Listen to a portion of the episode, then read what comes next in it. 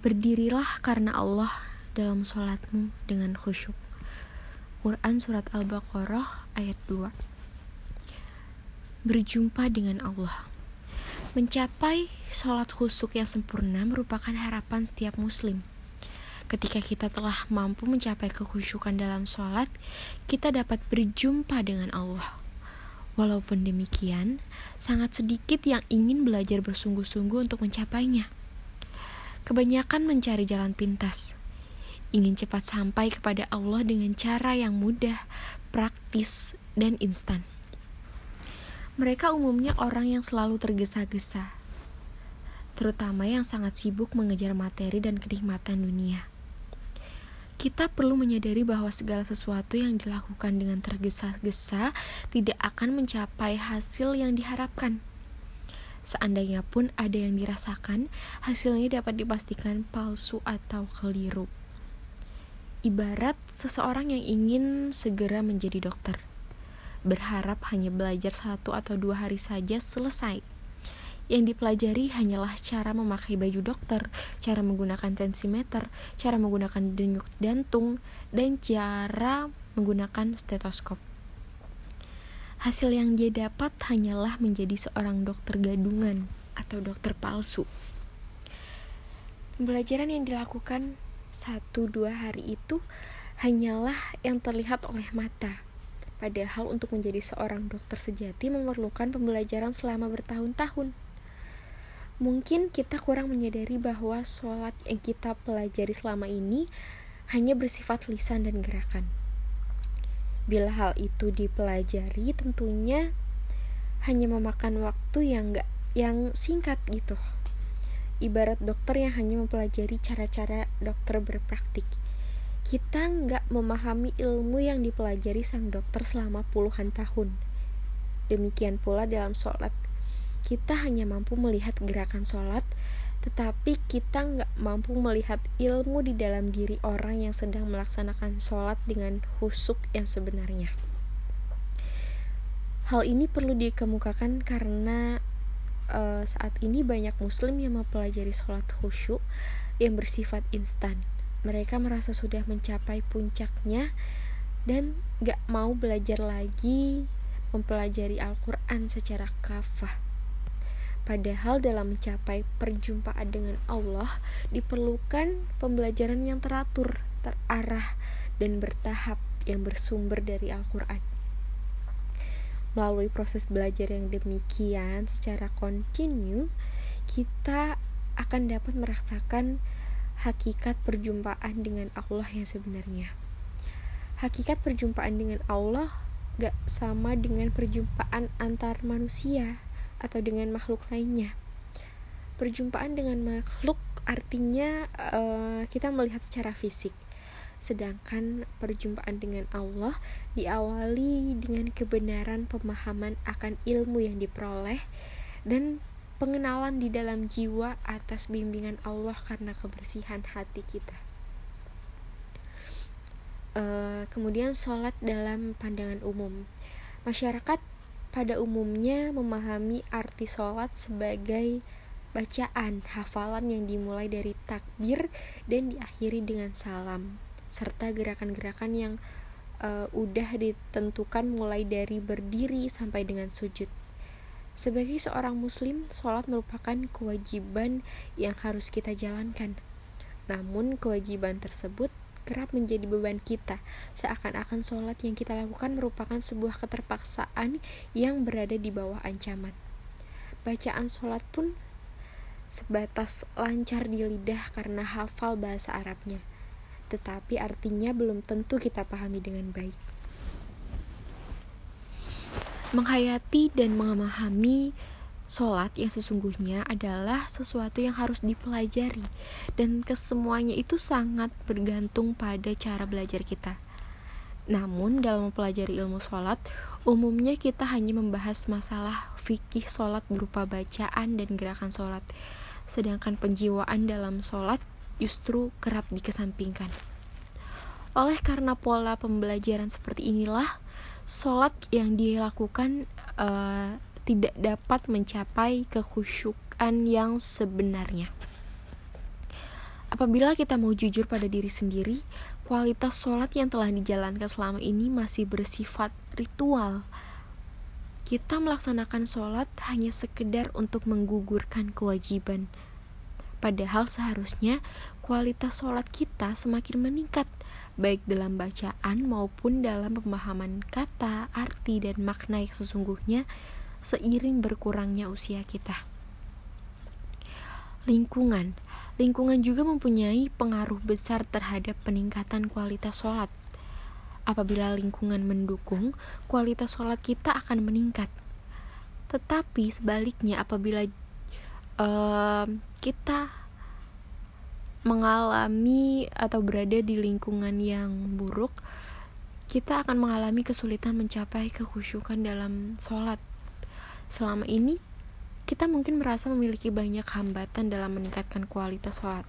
Seperti contohnya, sholat itu menjadi kebiasaan rutin dan menganggap sholat kita adalah udah yang terbaik gitu.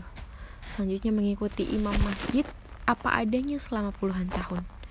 Terus merasa sudah menjalankan sholat seperti Rasulullah. Kemudian adanya anggapan masyarakat bahwa memperbaiki kualitas sholat adalah tindakan berlebihan dalam beragama. Kemudian kebingungan karena hadis dan mazhab yang berbeda-beda. Kemudian ditakut-takuti orang lain yang tidak menyukai latihan sholat khusyuk dengan berbagai alasan termasuk ancaman api neraka. Lalu ada bacaan dan gerakan sholat yang cepat dan sudah menjadi kebiasaan Waktu sholat hanya dua atau tiga menit dianggap sudah cukup sah dan mantap, merasa nyaman dengan sholat yang telah dijalani dan menolak perubahan. Dan yang terakhir ingin belajar sholat khusyuk secara tergesa-gesa atau instan. Gitu. Itulah hambatan-hambatan dalam meningkatkan kualitas sholat kita. Kemudian mengapa kita kurang bergairah melaksanakan sholat. Kenapa sih kita kurang bergairah dalam melaksanakan sholat ini? Penyebab kurangnya gairah dalam menjalankan sholat salah satunya karena kita nggak memahami dengan baik manfaat dari sholat kita.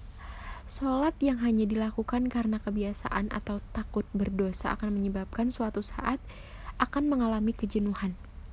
Nah, untuk memotivasi diri agar lebih bergairah dalam mempelajari dan melaksanakan sholat, akan dijelaskan manfaat sholat dari berbagai aspek dalam pembahasan selanjutnya. Secara garis besar, manfaat sholat yang dikemukakan para ahli yang dapat uh, kamu pelajari, uh, para ahli tersebut di antaranya Profesor Haji Muhammad Hembing Wijaya Kusuma, Dr. Andes Herbert Benson dan William Proctor, Dr. Andes Bernard Brett, Dr. Andes Muhammad Soleh, Kazuo Murakami, Masaru Emoto, Profesor Dr. Haji Muhammad Amin Syukur. Uh, pembahasan selanjutnya yaitu khusyuk sebenarnya seperti apa? Banyak pertanyaan mengenai sholat khusuk yang sebenarnya. Rasanya seperti apa? Seperti apa gambarannya? Pada umumnya mereka menghendaki jawaban yang instan dan mudah. Padahal jawaban dari pernyataan ini tidaklah sederhana. Kamu akan memperoleh gambaran khusyuk yang sebenarnya secara utuh setelah mempelajari dan memahami secara keseluruhan. Khusyuk berarti tunduk Gambaran sepintas rasa tunduk se seseorang kepada orang lain yang derajatnya dianggap lebih tinggi seperti rakyat kepada raja, adik kepada kakak, murid kepada guru, bawahan kepada atasan, pembantu kepada majikannya, anak kepada orang tuanya, dan umat kepada rasul. Rasa ketundukan terhadap sesama manusia tentunya berbeda dengan ketundukan kepada Allah, karena Allah berbeda dengan makhluknya. Suatu saat, um, saya mendapat masukan dari seseorang yang mengatakan bahwa dia telah mengikuti pelatihan sholat khusyuk. Dia mengatakan bahwa sholat khusyuk itu sangat mudah. Cukup hanya dengan melakukan relaksasi dan menyebut Allah, Allah beberapa kali.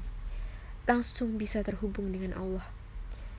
Katanya tidak perlu susah-susah belajar agama, memahami arti bacaan, sholat, tidak diperlukan dalam mencapai khusyuk. Nah, dalam pelatihan itu dikatakan bahwa mustahil bisa mencapai khusyuk apabila perhatian kita tercut, tertuju pada arti bacaan sholat. Dengan hanya relaksasi, meditasi, dan menyebut Allah, Allah, maka Tuhan pasti membimbing dirinya secara langsung.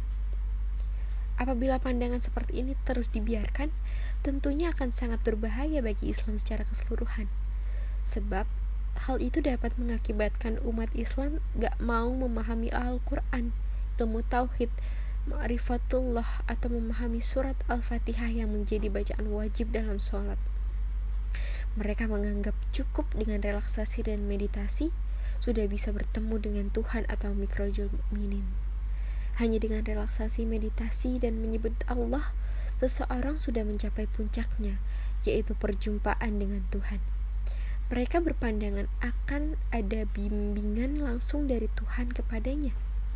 Jika pandangan ini dijadikan sebagai prinsip kebenaran, akan sangat berbahaya bagi kelangsungan ajaran Islam secara kafah umat muslim akan cenderung mencari kenikmatan, ketenangan, kenyamanan, dan gak mau repot-repot belajar memahami Al-Quran.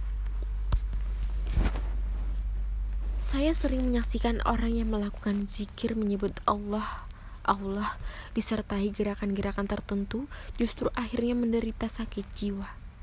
Bahkan ada juga yang sampai membunuh ibu kandungnya sendiri.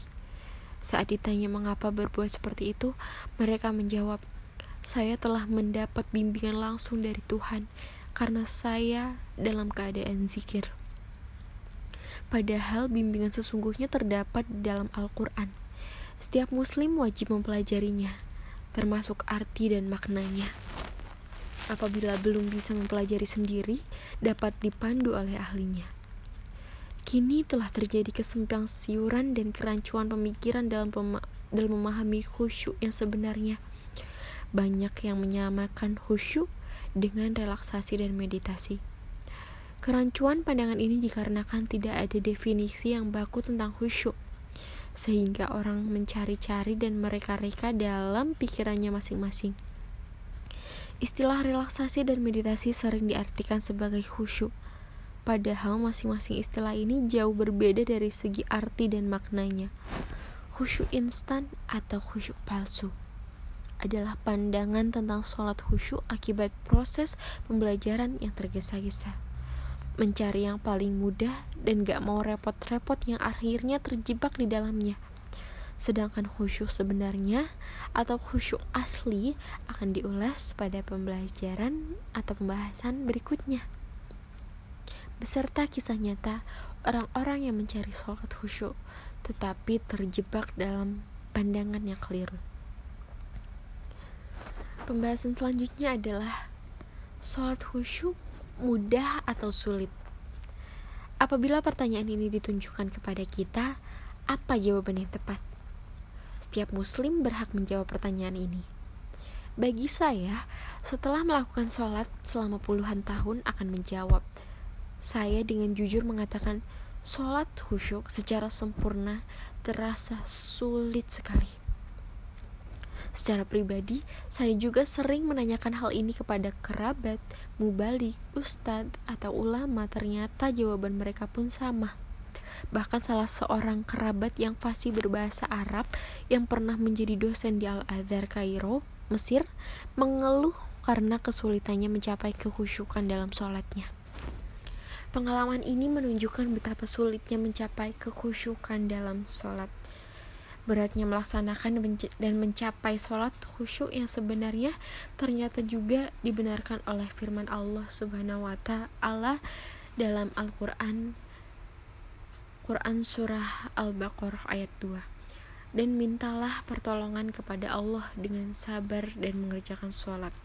Dan sesungguhnya yang demikian itu sungguh berat Tentunya Allah Subhanahu wa Ta'ala sangat memahami keadaan hambanya karena Dia mengetahui kemampuan makhluknya. Tetapi ada juga yang mengatakan bahwa sholat khusyuk itu mudah. Hal yang perlu kita tanyakan, apakah yang dikatakannya benar? Itu benar atau sekedar pemanis lidah aja gitu?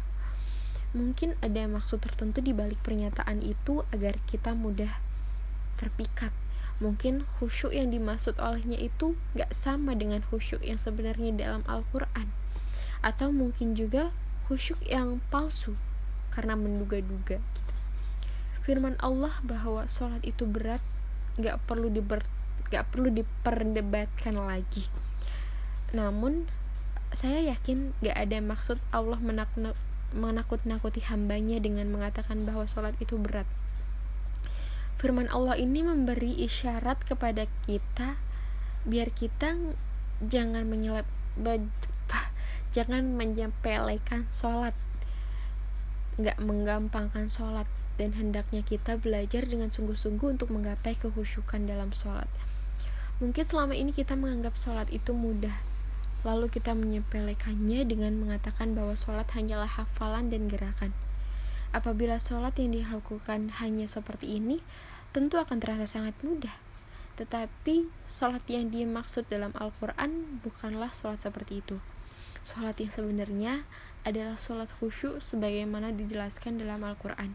Berdiri, berdirilah karena Allah dalam sholatmu dengan khusyuk. Quran Surat Al-Baqarah ayat, ayat 238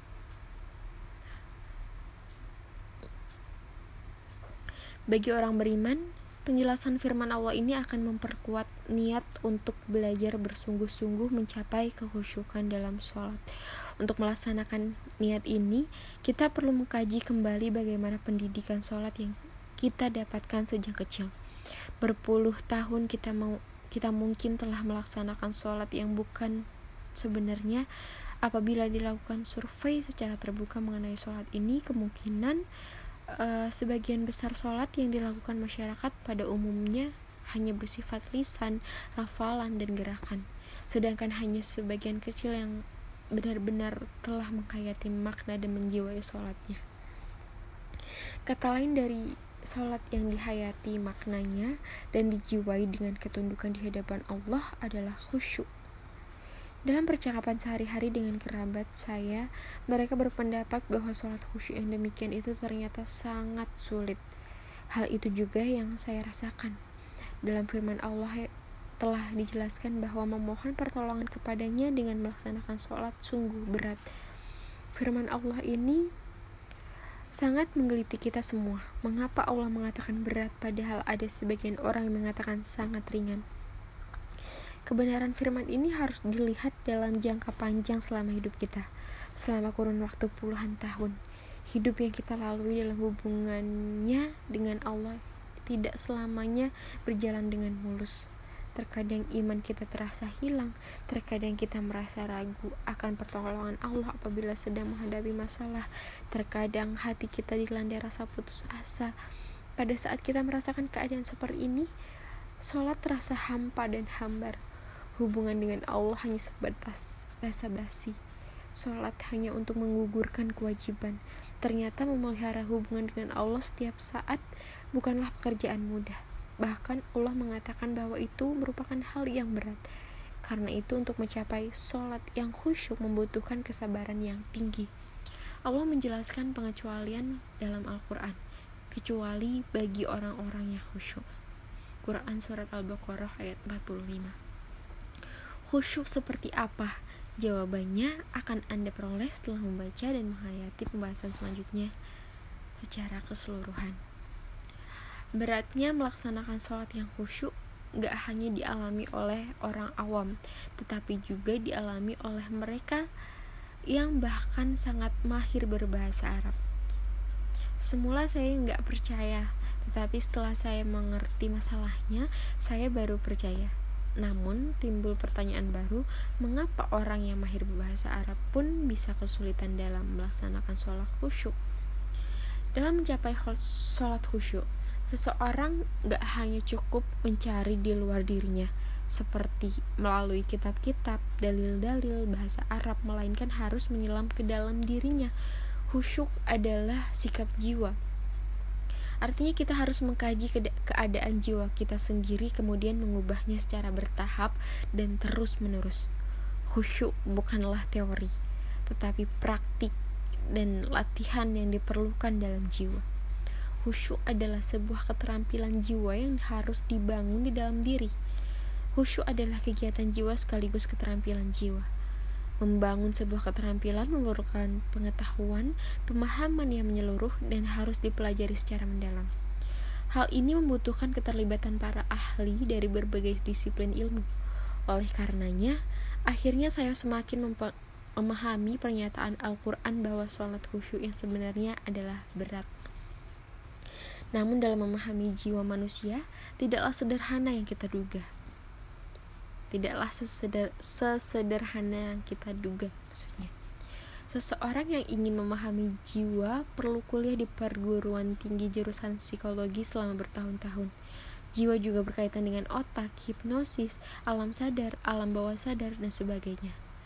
Dalam membahas sholat khusyuk setidaknya uh, memerlukan beberapa disiplin ilmu yaitu psikologi, fisiologi, neurologi, ilmu tauhid, ilmu kesadaran diri, metode pembelajaran, dan ilmu khusus lainnya. Sekali lagi saya nggak bermaksud menakut-takuti atau membuat segalanya semakin sulit. Saya bermaksud memberikan gambaran yang sebenarnya bahwa kita perlu belajar dengan sungguh-sungguh secara bertahap. Apabila hal ini dilakukan dengan senang hati, segalanya akan berjalan dengan mudah. Pada saat membaca orang yang tersebut, Tentu Anda merasa khawatir karena umumnya kita menginginkan segala sesuatu yang mudah dan instan. Kekhawatiran ini sangat bisa dipahami. Tetapi jika kita tetap menginginkan yang cepat dan gak mau repot, selamanya kita gak akan pernah menemukan khusyuk yang sebenarnya. Saya ingin memberikan contoh nyata bahwa untuk menjadi seorang dokter pun tidak akan pernah bisa diperoleh secara instan dan cepat. Nah, berikut ini saya akan membacakan uh, kisah seorang anak yang ingin menjadi dokter secara cepat dan instan. Suatu hari, ada seorang ibu mengajak anaknya yang berusia lima tahun berobat ke dokter.